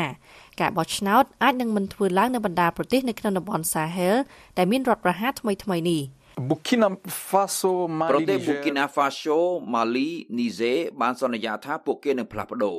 ពួកគេនឹងមិនផ្លាស់ប្ដូរនោះទេរបបយោធាទាំងនេះត្រូវបានបណ្ដោះបណ្ដាលដោយយោធាពួកគេមិនដឹងពីរបៀបគ្រប់គ្រងនោះឡើយត្រូវរៀនពីរបៀបគ្រប់គ្រងយូរណាស់ កាលពីដើមខែនេះប្រធានាធិបតីសេនេហ្គាល់លោក Macky Sall ថាការបោះឆ្នោតនឹងត្រូវពន្យាពេលដោយសារសំណុំរឿងពុករលួយពាក់ព័ន្ធនឹងការបោះឆ្នោតនិងការដកសិទ្ធិបេក្ខជននាំមុខមួយចំនួនក្រុមប្រឆាំងខ្លះហៅការពន្យាពេលនេះថាជារដ្ឋប្រហាររដ្ឋធម្មនុញ្ញកាលពីឆ្នាំមុនលោកសលថាលោកមិនឈរឈ្មោះនៅអាណត្តិទី3នោះទេក្រោយមានការប៉ះទង្គិចគ្នាបង្ហូរឈាមតាក់ទិននឹងលទ្ធភាពឈរឈ្មោះមួយអាណត្តិទៀតរបស់លោក ប៉ុន្តែលោកលួយខូវីយ៉ានៃសាកលវិទ្យាល័យ Pretoria ថាលោកសលហាក់ដូចជាចង់កាន់អំណាចយូរបន្តិចទៀត Can we really trust Macky Sall especially after everybody knows that he had intentions for តើយើងពិតជាអាចទុកចិត្តលោក Macky Sall បានទេគ្រប់គ្នាដឹងថាបំណងរបស់លោកគឺកាន់អំណាចសម្រាប់អាណត្តិទី3ហើយបើមិនមានការតវ៉ាពីប្រជាជនសេនេហ្គាល់ទេខ្ញុំប្រកាសថាលោកនឹងកែប្រែរដ្ឋធម្មនុញ្ញជាមិនខានកាលពីថ្ងៃទី15ខែកុម្ភៈក្រុមរក្សាធម្មនុញ្ញសេនេហ្គាល់សម្រេចថា ការពន្យាពេលការបោះឆ្នោតជារឿងអធម្មនុញ្ញភាពនៅអាហ្វ្រិកខាងកើតរវ៉ាន់ដាមានប្រធានាធិបតីដដែលតាំងពីឆ្នាំ2000មកលោកគីតស្វ៉ាថ្លែងថា Rwanda is the ប្រទេសរវ៉ាន់ដាខុសគេនៅអាហ្វ្រិកដោយសារតែប្រជាជនរវ៉ាន់ដាខ្លួនឯងខ្លាចក្នុងការនិយាយអំពីការបោះឆ្នោតប្រសិនបើការបោះឆ្នោតមួយមានប្រជាជន98%បោះឆ្នោតឲ្យបេក្ខជនម្នាក់នោះវាជាសញ្ញាគ្រោះថ្នាក់ហើយ គ្មាននរណាម្នាក់មានប្រជាប្រិយអញ្ចឹងទេក្នុងពិភពលោកនេះលោកគីតស៊ូថាប្រធានាធិបតីរវ៉ាន់ដាលោក Paul Kagame នឹងឈ្នះការបោះឆ្នោតម្ដងទៀតដោយមានសម្លេងឆ្នោតជាង90%ប៉ុន្តែថាលោកបារម្ភអំពីសម័យក្រោយលោក Kagame ជាង Rwandese democracy រវ៉ាន់ដាមិនមានលទ្ធិប្រជាធិបតេយ្យចាស់ទុំទេពីព្រោះយើងធ្លាប់មានបទពិសោធន៍អវិជ្ជមានមួយចំនួនពីអតីតមេដឹកនាំដែលប្រជែងនឹងលោក Kagame ប្រព័ន្ធនេះបំបិតមាត់ពួកគេ នៅអាហ្វ្រិកខាងត្បូងគណៈបក ANC បានកាន់អំណាចតាំងពីឆ្នាំ1994នៅពេលលោក Nelson Mandela ជាប់ឆ្នោតជាប្រធានាធិបតីនៅក្រៅរបប Apartheid នៅដើមទសវត្សរ៍1990ប៉ុន្តែលោក Khuwiya ថាអាចនឹងមានការផ្លាស់ប្ដូរ The ANC will win គណៈបក ANC នឹងឈ្នះការបោះឆ្នោតប៉ុន្តែមិនមែនដោយសម្លេងភាគច្រើនទាំងស្រុងនោះទេ សម្លេងគ្រប់គ្រងអាចមានក្រោម50%ដូច្នេះហើយគណៈបកនេះត្រូវត្រៀមខ្លួនបង្កើតសម្ព័ន្ធភាពទោះបីជាពួកគេថានឹងមិនមានសម្ព័ន្ធភាពនឹងថាពួកគេនឹងឈ្នះទាំងស្រុងក៏ដោយលោកខូវីយ៉ាថាការចាប់ប្រកាន់អំពីអំពើពុករលួយរឿងអាស្រូវនិងការបែកបាក់នៅក្នុងជួរគណៈបក ANC កំពុងជួយដល់ក្រុមប្រឆាំងដូចជាគណៈបក Economic Freedom Fighters ដែលដឹកនាំដោយលោក Julius Malema អតីតមេដឹកនាំយុវជនរបស់គណៈបក ANC ជាដើម ពីរដ្ឋធានី Washington ខ្ញុំស្រីលក្ខិណា VOA លោកអ្នកនាងកំពុងតែស្ដាប់កម្មវិធីផ្សាយជាខេមរៈភាសានៃ VOA ប្រពន្ធព័ត៌មានជាទីទុកចិត្តតាំងពីឆ្នាំ1955ខែកុម្ភៈគឺជាខែរំលឹកប្រវត្តិពលរដ្ឋស្បែកខ្មៅនៅក្នុងសហរដ្ឋអាមេរិកនៅទីក្រុង Los Angeles មានការតាំងបង្ហាញស្នាដៃរបស់វិចិត្រករស្បែកខ្មៅ ដែលពួកគេចែករំលែកបទពិសោធន៍របស់ខ្លួន ដែលបានធំដឹងក្តីនៅសហរដ្ឋអាមេរិកអ្នកស្រី Jenya Dulot រាយការណ៍អំពីរឿងនេះហើយអ្នកស្រី Lee Morivan ជួនសេចក្តីប្រាយសម្រួលដូចតទៅវិចិត្រករនៅក្រុងញូវយ៉កលោក Guy Stanley Philosh ថាគំនូររបស់លោកឈ្មោះ Give Us Our Flowers អបអរសាទរវប្បធម៌អាមេរិកអាហ្វ្រិកលោក Philosh ថ្លែងថា As a kid I used to go museums all ពេលនៅក្មេងខ្ញុំឧស្សាហ៍ទៅសារមន្ទីរហើយខ្ញុំតែងតែឃើញរូបគំនូរមនុស្សស្បែកសមិនដែលឃើញរូបមនុស្សស្បែកខ្មៅមនុស្សស្បែកពណ៌ផ្សេងរូបគំនូរមនុស្សដែលមានស្បែកពណ៌ដូចខ្ញុំទេដូច្នេះខ្ញុំក៏សម្រេចចិត្តផ្ដល់កិត្តិយសឲ្យយើងលោក Philos ជាវិចិត្រករម្នាក់ដែលតំណាងឲ្យសិល្បករស្បែកខ្មៅនៅឯកម្មវិធី LA Art Show គំនូរឈ្មោះ Playtime របស់លោក Gregory Saint Amman បង្ហាញពីការយល់ឃើញដល់ខ្លួនឯងចំពោះកុមារដែលមិនមែនស្បែកសនៅអាមេរិក លោក Gregory Saint Amman ដែលជាវិចិត្រករម្នាក់ថ្លែងថា The idea also of the colors ខ្ញុំដាក់ពណ៌ផ្សេងផ្សេងជាមួយគំនូរមនុស្សដែលមានពណ៌សនិងខ្មៅខ្ញុំចង់បង្ហាញថាពេលអ្នកចូលក្នុងបន្ទប់គ្មាននរណាស្គាល់ថាអ្នកជានរណាទេពួកគេគិតថាអ្នកជាអ្នកនេះឬអ្នកនោះប៉ុន្តែដល់អ្នកចាប់ផ្ដើមនិយាយទៅគេស្គាល់បុគ្គលិកលក្ខណៈរបស់អ្នកហើយវាคล้ายជាគ្រឿងការពាររបស់អ្នក អ្នកមិនត្រឹមតែជាមនុស្សម្នាក់ក្នុងចំណោមពួកគេទេ តែអ្នកមានអត្តសញ្ញាណផ្ទាល់ខ្លួនលោក O'Neil Scott កើតនៅប្រទេសម៉ាសាអ៊ីរំលឹកពីការធ្វើអន្តោប្រវេសន៍មកអាមេរិកពេលនៅវ័យកុមារនិងការស្វែងរកវិធីសាងជីវិតនៅប្រទេសថ្មីលោក O'Neil Scott ដែលជាវិចិត្រករម្នាក់ទៀតថ្លែងថា Just as um an African American I think it's important to ក្នុងនាមជាជនជាតិអាមេរិកស្បែកខ្មៅម្នាក់ ការប្រុងប្រយ័ត្នពេលយើងធ្វើដំណើរទៅណាមកណាជារឿងសំខាន់នេះជារឿងមួយក្នុងចំណោមរឿងផ្សេងទៀតដែលយើងគិតគ្រប់ពេលយើងក៏គិតគ្រប់ពេលដែរថាតើមនុស្សជុំវិញខ្លួនយើងគិតយ៉ាងណាចំពោះយើងវិចិត្រករលោក Sharon Green ថាជនជាតិអាមេរិកស្បែកខ្មៅត្រូវបានគេមើលមិនឃើញផងនិងគិតទុកជាមុនផង លោក Sharon Green ដែលជាវិចិត្រករម្នាក់ទៀតថ្លែងថា Me my personal experience is more ខ្ញុំផ្ទាល់ជួបប្រទះនៅការគិតទុកជាមុនពីព្រោះពិភពលោកត្រូវបានបង្រៀនថាខ្ញុំជាមនុស្សមានគ្រោះថ្នាក់ដោយសារខ្ញុំជាបរិសុទ្ធស្បែកខ្មៅបើការដែលគេមើលមិនឃើញខ្ញុំនោះខ្ញុំមិនសូវជួបប្រទះទេ តែវាអាចជារឿងសាមញ្ញដូចជានៅក្នុងហាង Starbucks ខ្ញុំចង់កំងអ្វីមួយ តែគេធ្វើដូចជាមិនឃើញខ្ញុំ។ ម្ចាស់វិចិត្រសាលនៅសង្កាត់ Brooklyn អ្នកស្រី Tanya Wiedemeyer ដែលបានជួយវិចិត្រករទាំងនេះក្នុងការបង្ហាញស្នាដៃរបស់ពួកគេនៅក្រុង Los Angeles ថាស្នាដៃសិល្បៈរបស់ពលរដ្ឋស្បែកខ្មៅលើកស្ទួយសហគមន៍ទាំងមូលអ្នកស្រី Tanya Wiedemeyer ថ្លែងថា whenever someone steps into the booth or steps into the gallery or នៅពេលដែលនរណាម្នាក់ឃើញរូបគំនូរនៅវិចិត្រសាលឬសារមន្ទីរដែលដូចទៅនឹងខ្លួនឯងនោះធ្វើឲ្យគេមានអារម្មណ៍ល្អធ្វើឲ្យគេមានអារម្មណ៍ថាពួកគេត្រូវបានទទួលស្គាល់ដូច្នេះហើយនេះជាកន្លែងដែលការច្នៃប្រឌិតបានកើតឡើង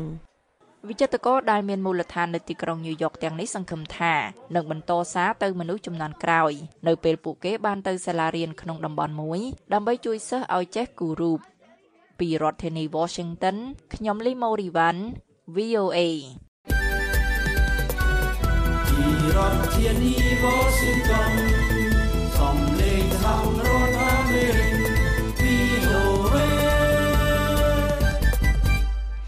ពលរដ្ឋអាល្លឺម៉ង់រាប់ម៉ឺននាក់បានចេញធ្វើបាតកម្មតាមដងផ្លូវសារជាថ្មី កាលពីពេលថ្មីថ្មីនេះដើម្បីប្រឆាំងនឹងលទ្ធិស្ដាមនិយមជ្រុលបន្ទាប់ពីមានការបង្ហាញថាសមាជិកគណៈបកស្ដាមនិយមគឺគណៈបកជំរឿផ្សេងសម្រាប់អាល្លឺម៉ង់បានពិភាក្សាពីការបញ្ជូនជនចំណាក់ស្រុកចេញដោយបង្ខំរួមទាំងពលរដ្ឋអាល្លឺម៉ង់ផងដែរនៅក្នុងការប្រជុំសម្ងាត់មួយលោក Henry Richwell ជួនសេចក្តីរាយការណ៍អំពីរឿងនេះពីទីក្រុងឡុង ហើយអ្នកនាងស្រីលក្ខិណាជួនសេចក្តីប្រែសម្រួលដូចតទៅនៅខាងក្រៅសភាអាល្លឺម៉ង់បាតកោប្រមាណ150,000នាក់បានចេញតវ៉ាប្រឆាំងនឹងលទ្ធិស្ដាមនិយមជ្រុលកាលពីថ្ងៃសៅរ៍ទី10ខែកុម្ភៈពួកគេខឹងសម្បាននឹងគណៈបកជំរឿផ្សេងសម្រាប់អាល្លឺម៉ង់ឬ AFD នៅក្នុងចំណោមបាតកោក៏មានអ្នកនយោបាយអាល្លឺម៉ង់ជើងចាស់ផងដែរអ្នកស្រី Saskia Esken ប្រធានគណៈបកប្រជាធិបតេយ្យសង្គមនិយមដែលកំពុងកាន់អំណាចនិយាយថា Den Mund aufmacht und klar macht die AfD គណៈបក AFD នឹងមិនអាចចូលកាន់អំណាចក្នុងប្រទេសនេះទេ យើងប្រឆាំងយ៉ាងដាច់ចហាងការបាតកម្មទូទាំងប្រទេសនេះបានធ្វើឡើងរៀងរាល់ចុងសប្តាហ៍តាំងពីខែមករាមកក្រោយពីគេហទំព័រ Corrective បានលាតត្រដាងថាអ្នកនយោបាយគណៈបក AFD បានពិភាក្សាពីការបញ្ជូនជនចំណាក់ស្រុកចេញពីប្រទេសដោយបង្ខំសូម្បីតែអ្នកដែលមានសញ្ជាតិអាល្លឺម៉ង់ នៅក្នុងការប្រជុំសម្ងាត់មួយនៅក្នុងទីក្រុង Potsdam ក្បែរទីក្រុងប៊ែរឡាំងកាលពីខែវិច្ឆិកាអ្នកស្រី Janet Gasco សហនាយកប្រតិបត្តិនៃគេហទំព័រ Corrective ថ្លែងថា von Neonazis, von Geldgebern und AfD ពួកណាស៊ីចំនួនថ្មីនិងអ្នកនយោបាយគណៈបក AfD បានបញ្ជាក់យ៉ាងច្បាស់ពីការសម្រេចបណ្ដេញមនុស្សរាប់លានអ្នកចេញពីអាល្លឺម៉ង់ហើយនេះជាស្ថានភាពដែលគណៈបក AfD មានជំរើសពិតប្រាកដក្នុងការទទួលបានអំណាចអធិការបតីអាល្លឺម៉ង់លោក Olaf Scholz បានស្វាគមន៍បាតកម្មនេះ Wenn etwas in Deutschland បើមានអ្វីមួយនៅអាល្លឺម៉ង់ដែលមិនត្រូវលេចឡើងជាថ្មី នោះគឺមនោគមវិជ្ជាជាតិសាសន៍របស់ពួកណាស៊ីផែនការបំលាស់ទីលំនៅដ៏គួរឲ្យស្អប់ខ្ពើមរបស់ពួកជ្រុលនិយមនេះគឺអញ្ចឹងសហមេដឹកនាំគណៈបក AFD អ្នកស្រី Alice Weidel បានហៅរបាយការណ៍នេះថាជាយុទ្ធនាការឃោសនារបស់ពួកឆ្វេងនិយមសត្រូវពិតប្រាកដនៃរដ្ឋធម្មនុញ្ញគឺអ្នកដែលកោះហៅឲ្យមានការដាក់បំរាមលើគណៈបកនយោបាយ ប្រវត្តិសាស្ត្រដ៏ឈឺចាប់ក្រោមការគ្រប់គ្រងរបស់អ៊ីតាលីនិងពួកណាស៊ីបានធ្វើឲ្យលទ្ធិស្ដាមនិយមជ្រុលជារឿងរសើបសម្រាប់អាល្លឺម៉ង់មានការអំពាវនាវកាន់តែច្រើនឲ្យមានការដាក់បំរាមទៅលើគណៈបក AFD លោក Matt Quatrip សាស្ត្រាចារ្យផ្នែកវិទ្យាសាស្ត្រសង្គមនៅឯសាកលវិទ្យាល័យ Coventry បានថ្លែងថា sounds very familiar ការបញ្ជូនចេញដោយបង្ខំទៅកាន់កន្លែងផ្សេងទៀតស្ដាប់ទៅដូចជាធ្លាប់បានឮពីមុនមកនៅក្នុងបរិបទប្រទេសអាល្លឺម៉ង់ អាល្លឺម៉ង់មិនអាចធ្វើដូចនេះបានទេមាត្រា21នៃរដ្ឋធម្មនុញ្ញអាល្លឺម៉ង់ចែងថាអ្វីដែលប៉ះពាល់នឹងរបៀបរៀបរយលទ្ធិប្រជាធិបតេយ្យនៅអាល្លឺម៉ង់គឺប្រឆាចពីរដ្ឋធម្មនុញ្ញមានដំណើរការមួយដែលក្រសួងមហាផ្ទៃនឹងបញ្ជូនគណៈបកមួយទៅតុលាការកំពូល។ នេះជាចំណាត់ការដ៏ចម្រូងចម្រាសខ្លាំងប្រឆាំងនឹងគណៈបក AFD ដែលកំពុងទទួលបានសម្លេងស្ទង់មតិនៅក្នុងចំណាត់ថ្នាក់ទី2ប្រមាណ20%ខណៈការបោះឆ្នោតនៅអឺរ៉ុបនិងអាល្លឺម៉ង់ត្រៀមនឹងធ្វើឡើងនៅចុងឆ្នាំនេះកម្ដៅនយោបាយកំពុងតែកើនឡើង ពីរដ្ឋធានី Washington ខ្ញុំស្រីលក្ខិណា VOA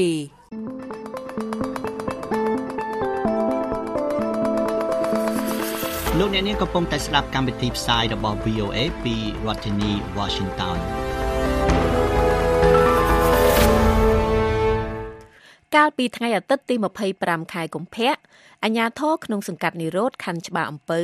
បានចុះរុះរើកន្លែងពិព័រណ៍រូបថត ស្ដីពីផ្ទះនិងជីវិតសហគមន៍ក្រីក្រក្នុងទីក្រុងដែលរៀបចំឡើងដោយអង្គការសមាគមធៀងថ្នោតដោយមិនបានបញ្ជាក់ពីមូលហេតុច្បាស់លាស់ណាមួយឡើយម្ចាស់ភោជនីយដ្ឋានដែលបានជួលទីតាំងឲ្យសមាគមធៀងថ្នោតនិយាយថាអញ្ញាធរបានហៅពួកគេឲ្យធ្វើកិច្ចសន្យាបញ្ឈប់ជួលទីតាំងនិងរុះរើរូបថតរបស់សមាគមធៀងថ្នោតចេញ។ អ្នកនាំពាក្យក្រសួងមហាផ្ទៃនិយាយថាការរុះរើទីតាំងពិព័រណ៍រូបថតនេះគឺដើម្បីការពារសុវត្ថិភាពដោយសារចំថ្ងៃបោះឆ្នោតព្រឹទ្ធសភាលោកសំច័ន្ទសំណាងរាយការណ៍លម្អិតឲ្យ VOA ពីរាជធានីភ្នំពេញដូចតទៅ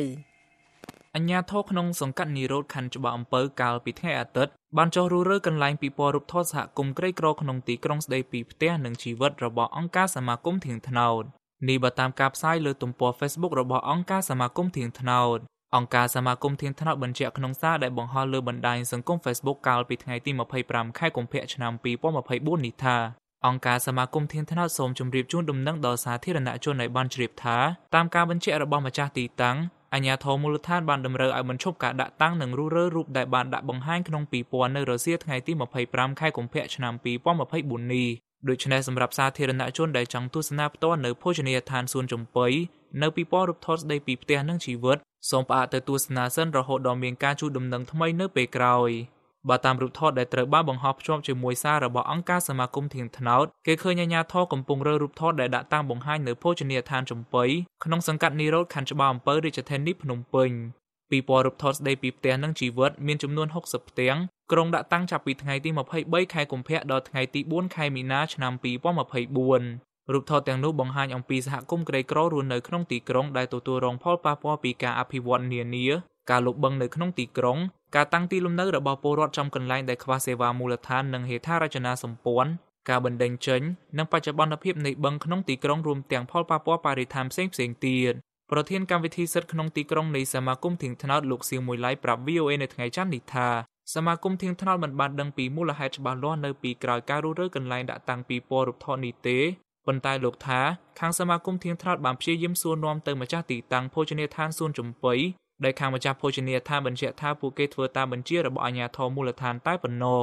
បើតាមព័ត៌មានពីខាងម្ចាស់ទីតាំងមកហ្នឹងក្នុងពេលជាមួយគ្នាក៏ខាងខណ្ឌគេមកដែរគឺគេនៅមុខនេះហើយគេដាក់សម្ពាធថាបើសិនជាមិនរុះរើទេគេនឹងបិទទីតាំងនឹងអញ្ចឹងក្នុងនាមគាត់ជាឯកជនជាអ្នកហៅស៊ីគឺគាត់មានការព្រួយបារម្ភចំពោះបញ្ហាហ្នឹង បានគាត់ស្នើសុំអធិស្ឋានពីយើងក្នុងការបិទឬក៏ប្រឈប់សកម្មភាពហ្នឹងបើតាមលោកសៀងមួយឡៃពីពណ៌នេះធ្វើឡើងក្នុងគោលបំណងយកនៅផ្ទាំងទស្សនីយភាពរបស់សហគមន៍ក្នុងទីក្រុងដែលបានរងគ្រោះពីការអភិវឌ្ឍអសវត្ថភាពដីធ្លីការតាំងទីលំនៅថ្មីដែលខ្វះការរៀបចំសេវានិងហេដ្ឋារចនាសម្ព័ន្ធជាមុននិងការបណ្តេញចេញដោយបង្ខំមកបង្ហាញដល់សាធារណជននិងអ្នកពាក់ព័ន្ធឲ្យបានដឹងដើម្បីរួមគ្នាស្វែងរកដំណោះស្រាយនិងលើកកម្ពស់សិទ្ធិមានលំនៅឋានសមរម្យ ប្រធានកម្មវិធីសិទ្ធិក្នុងទីក្រុងរបស់អង្គការសមាគមធៀងថ្នោតរូបនេះក៏បានបង្ហាញការសោកស្ដាយក្រោយអាជ្ញាធរបញ្ជាឲ្យរុះរើកន្លែងពីពណ៌រូបថតរបស់សហគមន៍ក្រីក្រក្នុងទីក្រុងចេញលោកថាសកម្មភាពទាំងអស់នេះមិនមែនជាដំណោះស្រាយសម្រាប់សហគមន៍ក្រីក្រក្នុងទីក្រុងឡើយតែវាជាសកម្មភាពនៃការកិច្ចវេះរបស់អាជ្ញាធរដែលមិនមានការចូលរួមដោះស្រាយបញ្ហាប្រឈមនានាដែលកំពុងកើតមានក្នុងសហគមន៍ក្រីក្រ លោកសៀងមួយឡៃក៏អំពាវនាវដល់រដ្ឋាភិបាលក៏ដូចជាអាជ្ញាធរមូលដ្ឋានឲ្យបញ្ឈប់ការរដ្ឋបិទសិទ្ធិសេរីភាពនិងសេរីភាពនៃការបញ្ចេញមតិទៅលើក្រុមអង្គការសង្គមស៊ីវិលដោយព្យាយាមធ្វើការនិងស្វែងយល់ពីគ្នាដើម្បីបម្រើជាប្រយោជន៍សម្រាប់សង្គមប្រទេសជាតិទាំងមូល ហើយយើងខ្ញុំសូមពីវនីវឲ្យអាជ្ញាធរមូលដ្ឋានជាពិសេសរដ្ឋាភិបាលដែលមានឬក៏ក្រសួងហាផ្ទៃដែលជាសមាជិកនៅក្នុងកិច្ចការហ្នឹងគឺថាបើកលំហសេរីភាពជាតៃក៏ដូចជាសេរីភាពនៅក្នុងការបញ្ចេញមតិក្នុងការសេរីភាពនៃការជួបជុំក៏ដូចជាសេរីភាពក្នុងការបង្ហាញដាក់តាំងរូបភាពផ្សេងៗនេះទៅដល់សាធារណជនឲ្យបានទូលំទូលាយបានប្រសើរជាងពេលកន្លងកន្លងមក VOA បានតាក់ទងទៅភោជនីយដ្ឋានសួនចំបុីដែលបុគ្គលិកដែលទទួលទូរស័ព្ទប្រាប់ VOA ក្នុងលក្ខខណ្ឌមិនបញ្ចេញឈ្មោះថា អញ្ញាធរបានហៅភាគីខាងភោជនីយដ្ឋានឲ្យទៅធ្វើកិច្ចសន្យានិងបញ្ឈប់ការជួលទីតាំងឲ្យសមាគមធៀងថ្នោតសម្រាប់ការដាក់តាំងពិព័រណ៍រូបថតបុគ្គលិកភោជនីយដ្ឋានរូបនេះបន្ថែមថាខ្លួនមិនបានដឹងពីបញ្ហាផ្ទៃក្នុងរវាងសមាគមធៀងថ្នោតនិងអាជ្ញាធរឡើយ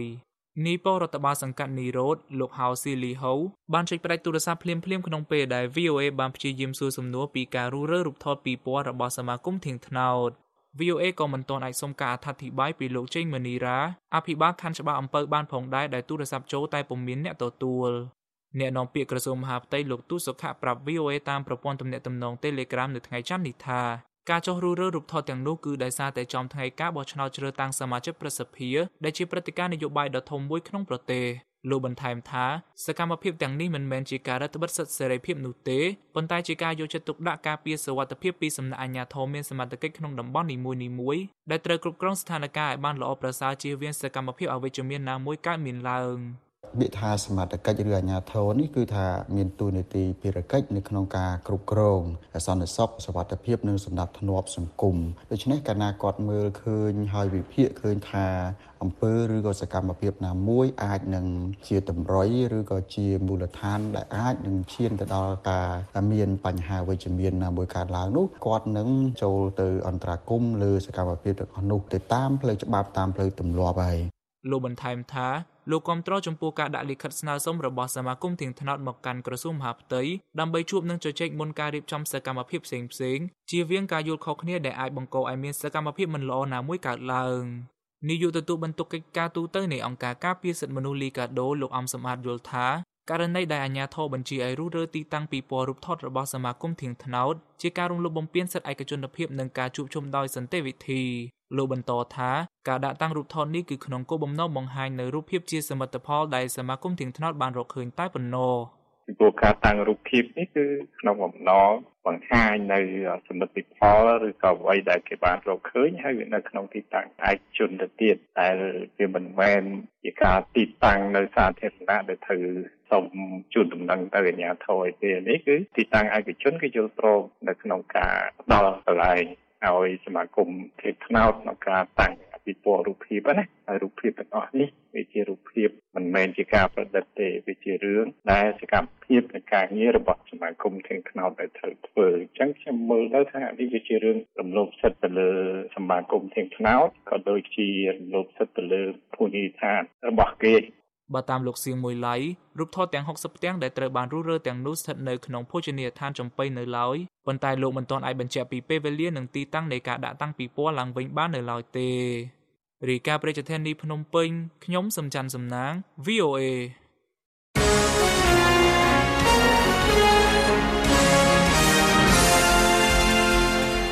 តទៅទៀតនេះលោកសាយម៉ូនីនឹងជួនព័ត៌មានអន្តរជាតិបញ្ចប់សូមអញ្ជើញលោកម៉ូនី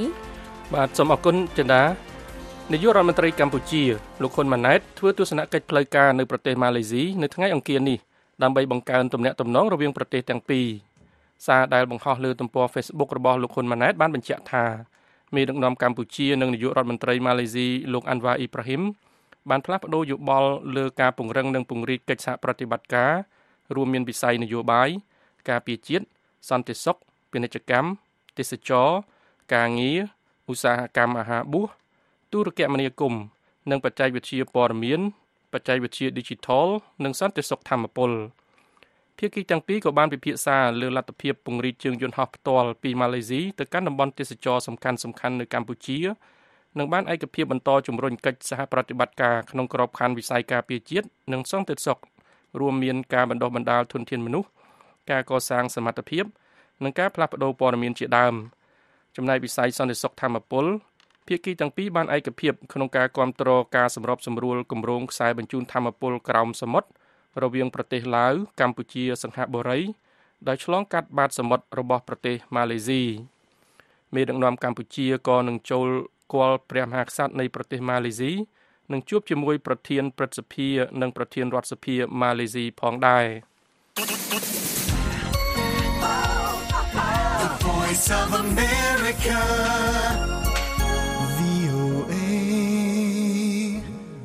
រដ្ឋាភិបាលកម្ពុជាកំណត់យកថ្ងៃអង្គារទី27ខែកុម្ភៈនេះជាថ្ងៃកាន់ទុក្ខផ្លូវការនៃការយាងសោយទីវង្គតសម្ដេចព្រះមហាសង្ឃរាជទេវវង្សដោយតម្រូវឲ្យគ្រប់ស្ថាប័ននិងប្រជាជនទូទាំងប្រទេសបង្ហូតទង់ជាតិត្រឹមពាក់កណ្ដាលដងសម្ដេចព្រះមហាសង្ឃរាជបានយាងសោយទីវង្គតកាលពីថ្ងៃច័ន្ទក្នុងព្រះជន្ម93ព្រះវស្សាដោយជរាពាធសារាចរណែនាំចេញនៅថ្ងៃច័ន្ទនេះបានទទួលស្គាល់ថាសម្ដេចព្រះមហាសង្ឃរាជ មានគុណបំណាច់យ៉ាងធំធេងចំពោះជាតិសាសនានិងព្រះមហាក្សត្ររដ្ឋាភិបាលក៏បានណែនាំគ្រប់ស្ថានីយវិទ្យុនិងទូរទស្សន៍ទាំងអស់ត្រូវផ្អាកការសម្ដែងចាក់ផ្សាយទូរទស្សនីយភាពផ្សេងផ្សេងដែលមានលក្ខណៈសបាយក៏ក្រឹកក៏ក្រែងនៅថ្ងៃកាន់ទុកនេះ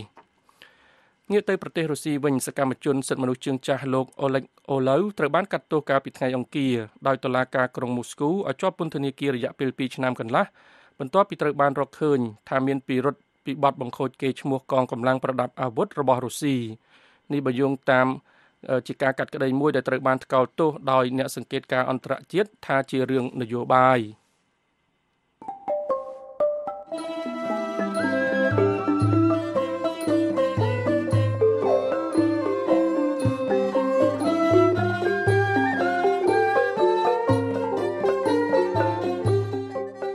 កម្មវិធីផ្សាយរបស់ VOA នៅរាត្រីនេះចប់តែត្រឹមនេះសូមលោកអ្នកនាងរងចាំស្ដាប់ការផ្សាយរបស់យើងខ្ញុំនៅព្រឹកស្អែកទៀតពីម៉ោង5ដល់ម៉ោង5:30នាទីតាមរលកវិទ្យុ31និង49ម៉ែត្រត្រូវនឹងកម្រិត9320 5915និង1575 kHz ឬតាមប្រព័ន្ធអ៊ីនធឺណិតដែលមានអាសយដ្ឋានខ្មែរ .voanews.com សូមលោកអ្នកនាង ប្រកបដោយសុភមង្គលគ្រប់ប្រការរាត្រីសួស្តី